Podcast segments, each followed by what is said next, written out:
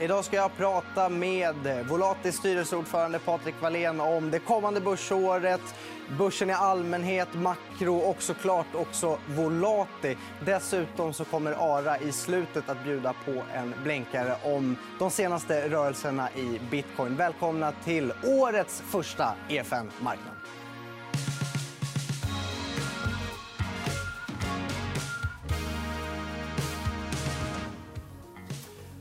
Ja, välkommen tillbaka, Patrik. Det är nästan ett år sedan du var här. Är det så länge sedan? Ja. ja men jag trivs bra här. Jag aspirerar på att få sitta i din stol och ställa frågorna nästa gång. Ja, det, det, det är det bekväma jobbet. Precis. Eh, du har ju ett väldigt brett kunnande. Dela gärna dina tankar på Twitter. Vi ska först prata om marknaden och börsen i allmänhet. och Sen så trattar vi in oss på Volati, där du är styrelseordförande. Eh, till att börja med, har du haft en bra jul och nyårsledighet? Ja, men det har varit bra. Sen har det varit väldigt speciellt med coronarestriktioner. Och så där. Vi var nere hos mamma och pappa i Falkenberg men hade julbord utomhus. Och det var en liten annan sport. kan man säga. Mm. Nytänkande. Ja, exakt. Ja. Eh, vi börjar i börsläget. Då. Eh, och det tycker jag är väldigt intressant. för att Ni tittar ju så mycket på förvärv. Mm. Och då får man ofta en liten känsla av på prislapparna och vad det finns för förväntningar på priser. Mm. Hur, hur är humöret? Är det dyrt eller billigt där ute? Ja, det, egentligen så är det, handlar den här frågan om vad man tror på räntan på lång sikt. För att om man tror att vi ska ha låga räntor jättelänge så är det nog ganska billigt. Om man tror att räntorna på något sätt ska normaliseras så är det nog ganska mycket som är dyrt. Och jag är väldigt tvehågsen kring, kring det där. Så jag har faktiskt inget jättebra kort svar. Utan, eh, det handlar om vilken vy man har på räntan. Mm. Eh, Okej. Okay. Om vi tänker i år. Då. Mm. Vi har precis eh, haft eh, lite politiskt stök i USA och såg att Washington gick in i, i nödläge. Mm. Är det någonting som bekymrar dig eller är det bara brus för börsen? tror du? Jag vet inte vad det betyder för börsen, men för mig personligen så oroar det mig jättemycket. Jag tycker det som hände eh, i Washington var jätteotäckt och liksom en påminnelse om hur hur skört systemet är. Nu stod systemet emot och demokratin höll, så att säga. Men jag tyckte det här var, var, var jätteotäckt. Jag satt uppe väldigt sent den här kvällen och bläddrade mellan CNN och BBC och, och, och följde det där och tyckte det var lite otäckt. Eh, så får vi se. Nu är det någon vecka kvar med Trump. Se vad han kan ställa till med. Mm. Eh, för, för helåret då, 2021, om vi börjar i, i tråkiga änden och tänker oss lite orosmoln. Mm. Är det någonting som du är orolig för kommer hända under året som skulle kunna dämpa eh, börshumöret som är väldigt positivt just nu? Ja, alltså vaccinationen rullar ju på nu. Sen blir man ju alltid orolig när man läser varannan dag om nya mutationer och tänker vad händer, vad händer nu? Kommer vi inte att kunna vaccineras och återkomma eh, till, till det normala? Det är väl en sån fråga. Och en annan fråga som bekymrar kanske lite grann det är att vi har stimulerat ekonomin väldigt mycket nu. Både Riksbanken och politiker ös på. Vad händer när vi ska gå tillbaka till det normala? Vad, vad, vad sker då? Hur kommer den övergången till att gå? Vad händer då? Det tror jag man ska hålla ett litet, litet öga på. Mm. Eh, är du orolig för ett återvändande handelskrig? Ja, alltså det finns väldigt mycket eh, globala stora frågor där Kina utmanar USA. och eh, där vi får se vad den nya administrationen i USA vad som händer där. Men det är klart att eh, handelskrig eller försämrade handelsrelationer ligger ju lite grann i korten också. Mm. Eh, är du orolig för inflation? Du ställer så bra frågor, Albin. Det där är också en sån grej som jag har gått och grunnat över. Är det möjligt att Riksbanken kan, eller Riksbankerna globalt kan ha en ränta runt noll? Vi har quantitative easing. Vi bara öser ut pengar och så blir det ingen inflation. Hur är det möjligt? Vi har kanske en tillgångsinflation idag, men vi ser ingenting i liksom normala priser. Och det där är väldigt svårt att, att, att, eh, få armarna runt. Vi också, om man gör den här frågan lite större, globalt en åldrande befolkning. Och normalt sett ska en åldrande befolkning innebära att inflationstrycket går upp eftersom vi får färre som är i arbetskraften. Så att det finns väl... Eh, samtidigt så ser vi inga tendenser till inflation. Så jag har lite svårt att få ihop det där. Jag, jag pratade med någon av de tyngre ekonomerna på Nordea om det här för, någon, för några månader sedan. Och, eh, inte heller han hade några bra svar på hur det här kunde funka. Så att, eh, det är väl en stor osäkerhet. helt enkelt. Mm. Men du sa att du tycker att det ser dyrt ut om räntorna normaliserar sig.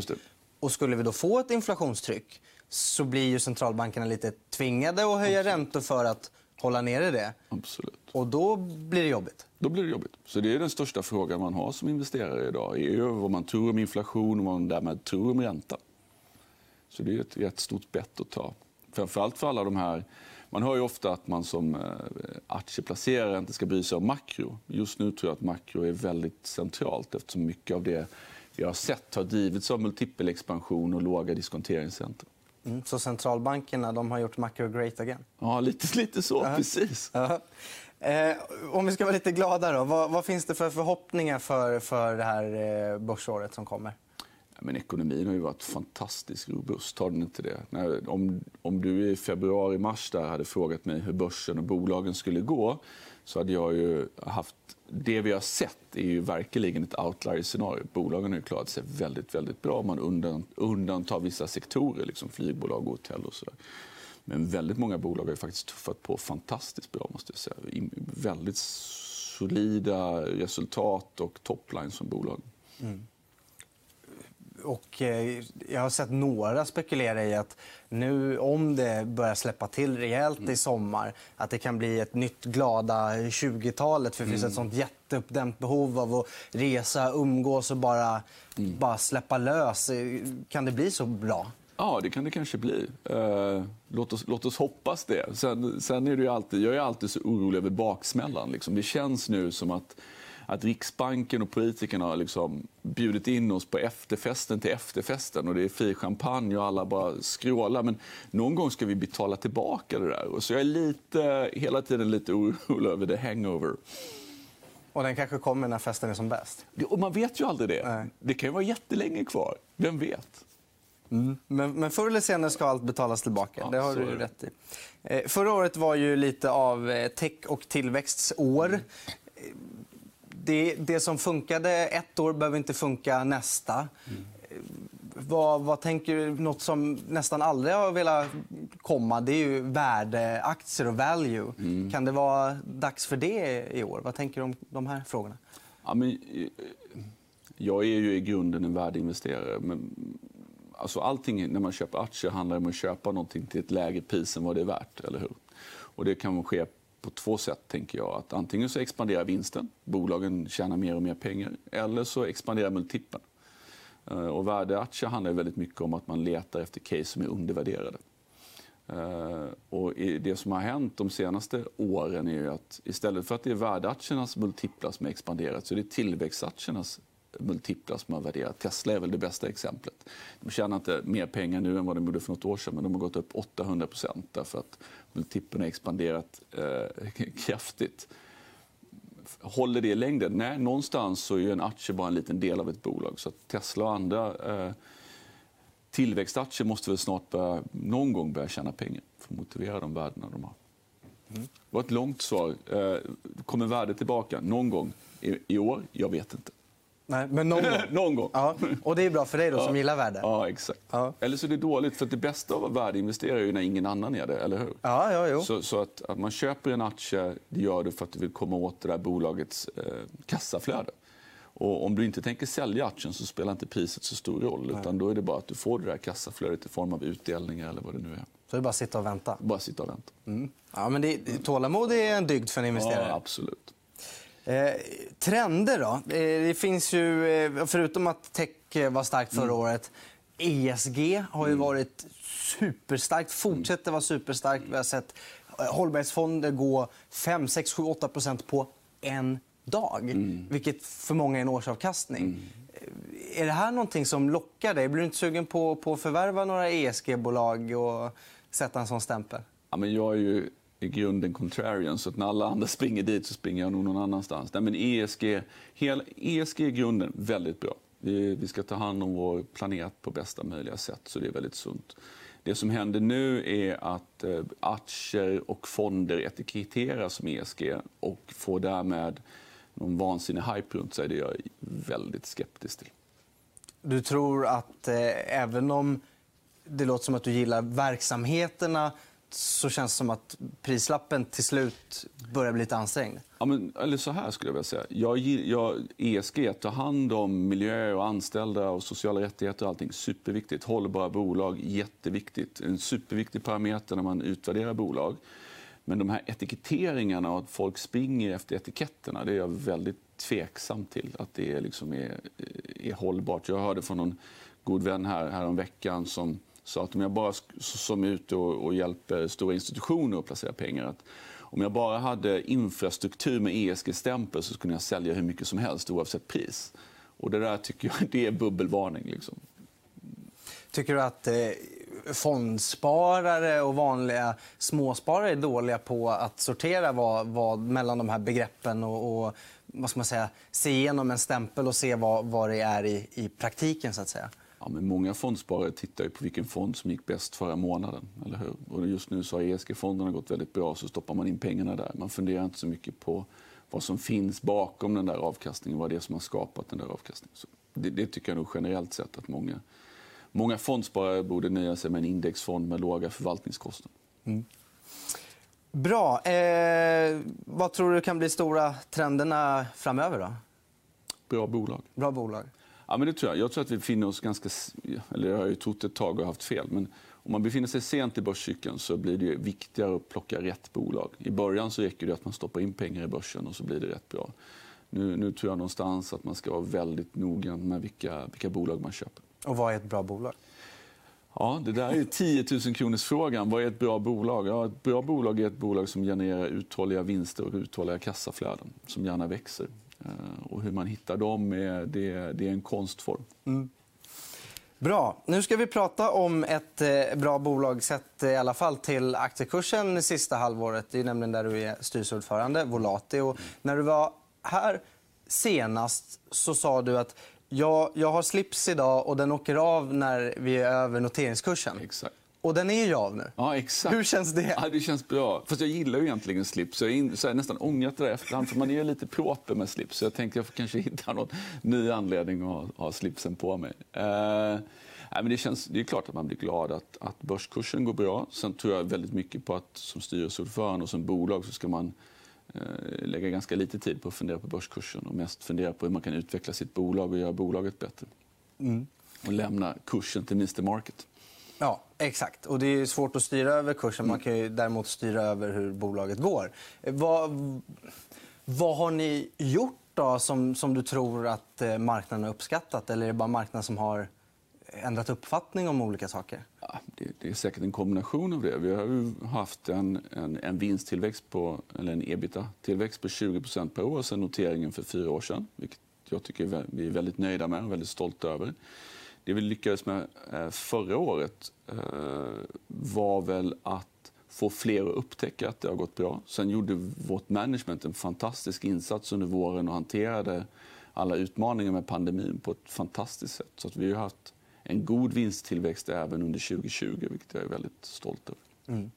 Och för de som inte vet, så eh, ni består ju av massa små bolag mm. i alla möjliga typer av branscher. Så man kan väl säga att ni är tjänstesprött mot lite industri, lantbruk, mm. Eh, konsumentvaror, lite allt mm. möjligt. Precis. Ja, men vi...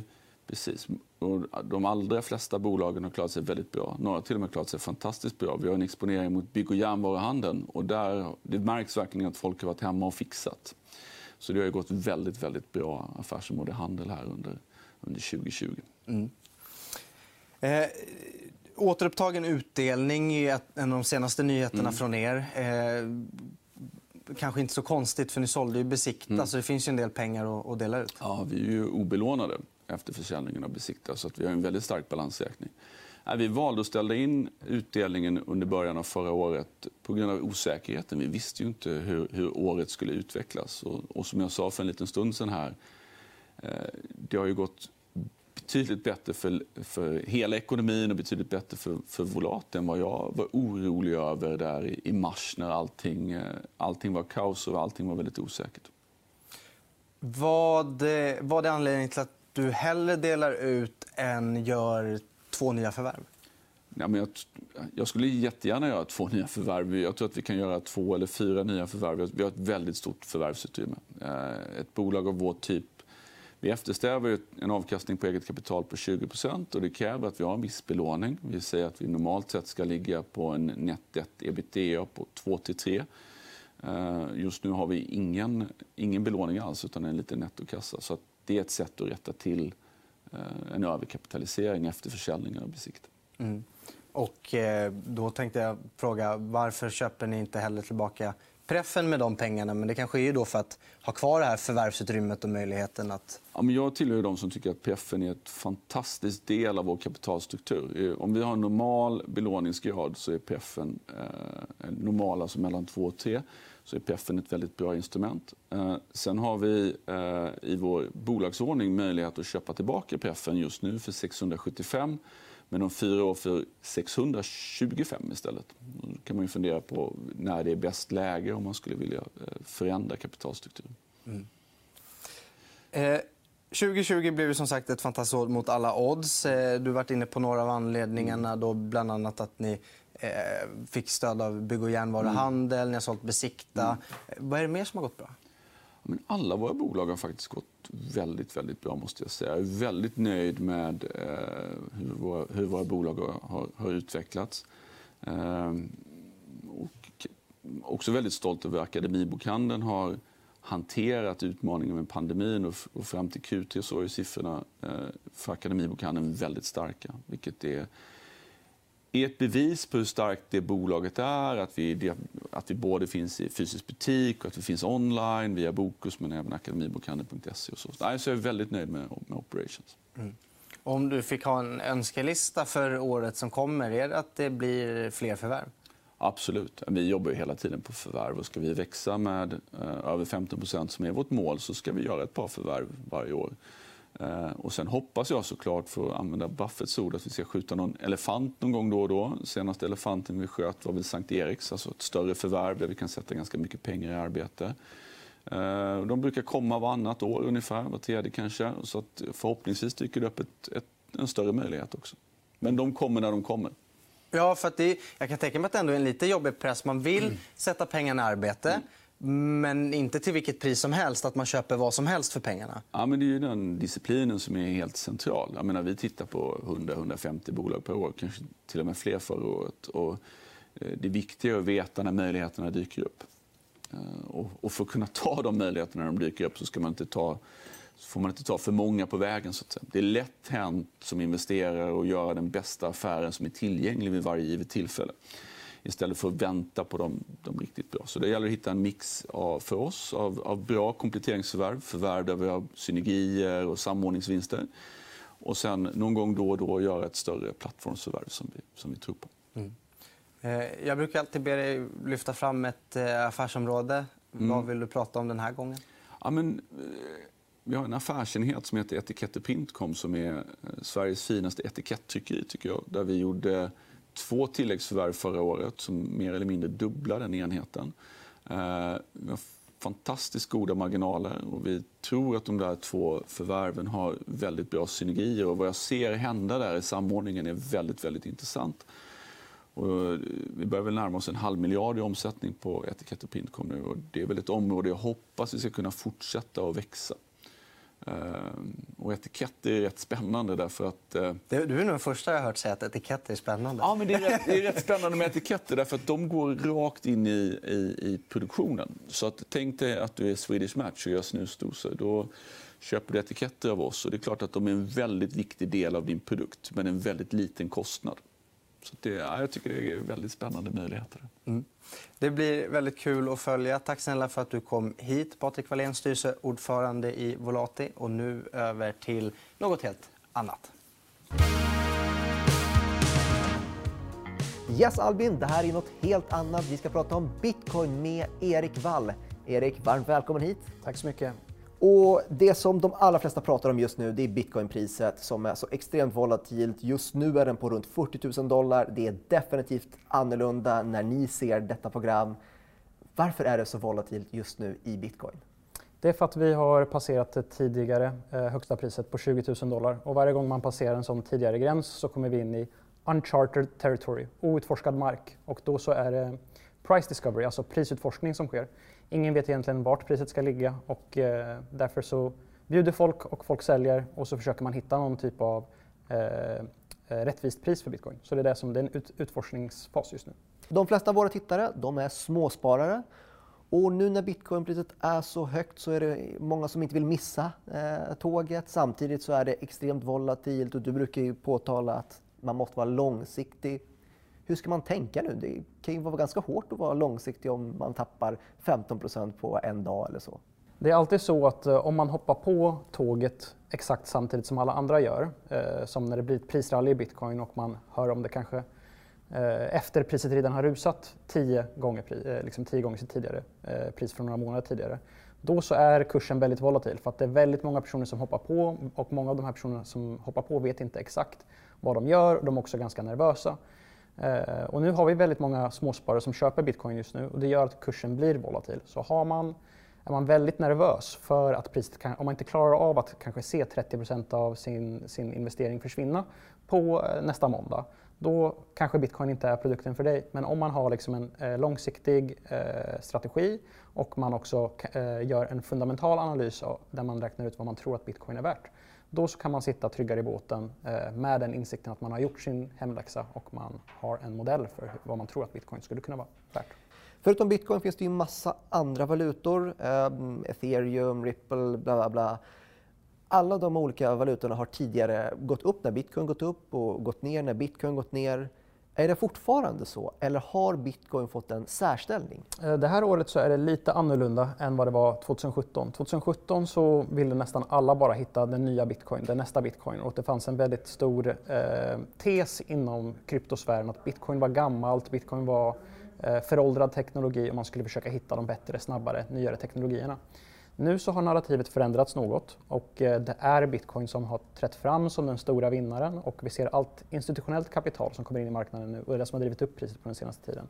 Det kapitalet går nästan enbart in i bitcoin. Det finns en del av det här institutionella kapitalet som också går in i ethereum. Eh, jag ser på bitcoin och ethereum lite, eh, lite annorlunda. Jag tycker att båda de här valutorna har en roll, men det är de som är de två stora just nu. Du har varit med hos oss tidigare och pratat om att bitcoin är som ett digitalt guld, men den är inte riktigt där än, men det kommer bli det, tror du. Har bitcoin de senaste, senaste året tagit nya steg mot att bli ett digitalt guld? Ja, det måste jag ändå säga. Jag tycker att bitcoin har tagit ett extremt stort steg eh, mot den rollen. På vilka det, sätt? Det, det, handlar om hur eh, makroinvesterare och andra, andra, annat folk ser på bitcoin. Eh, för att man ska kunna för att, för att någonting ska kunna växa och bli ett store, store of value så krävs att folk behandlar det och använder det som ett store of value. Eh, och det, har vi sett, det vi har sett nu det här senaste året är att vi har gigantiska namn och andra hedgefonder, eh, företagskassor som har kommit ut och eh, liksom allokerat kapital till bitcoin just för det här syftet. Och det har ju en begränsad mängd, det är det som är den fundamentala egenskapen, det är det, som, det är det som gör att det kan agera som ett digitalt guld.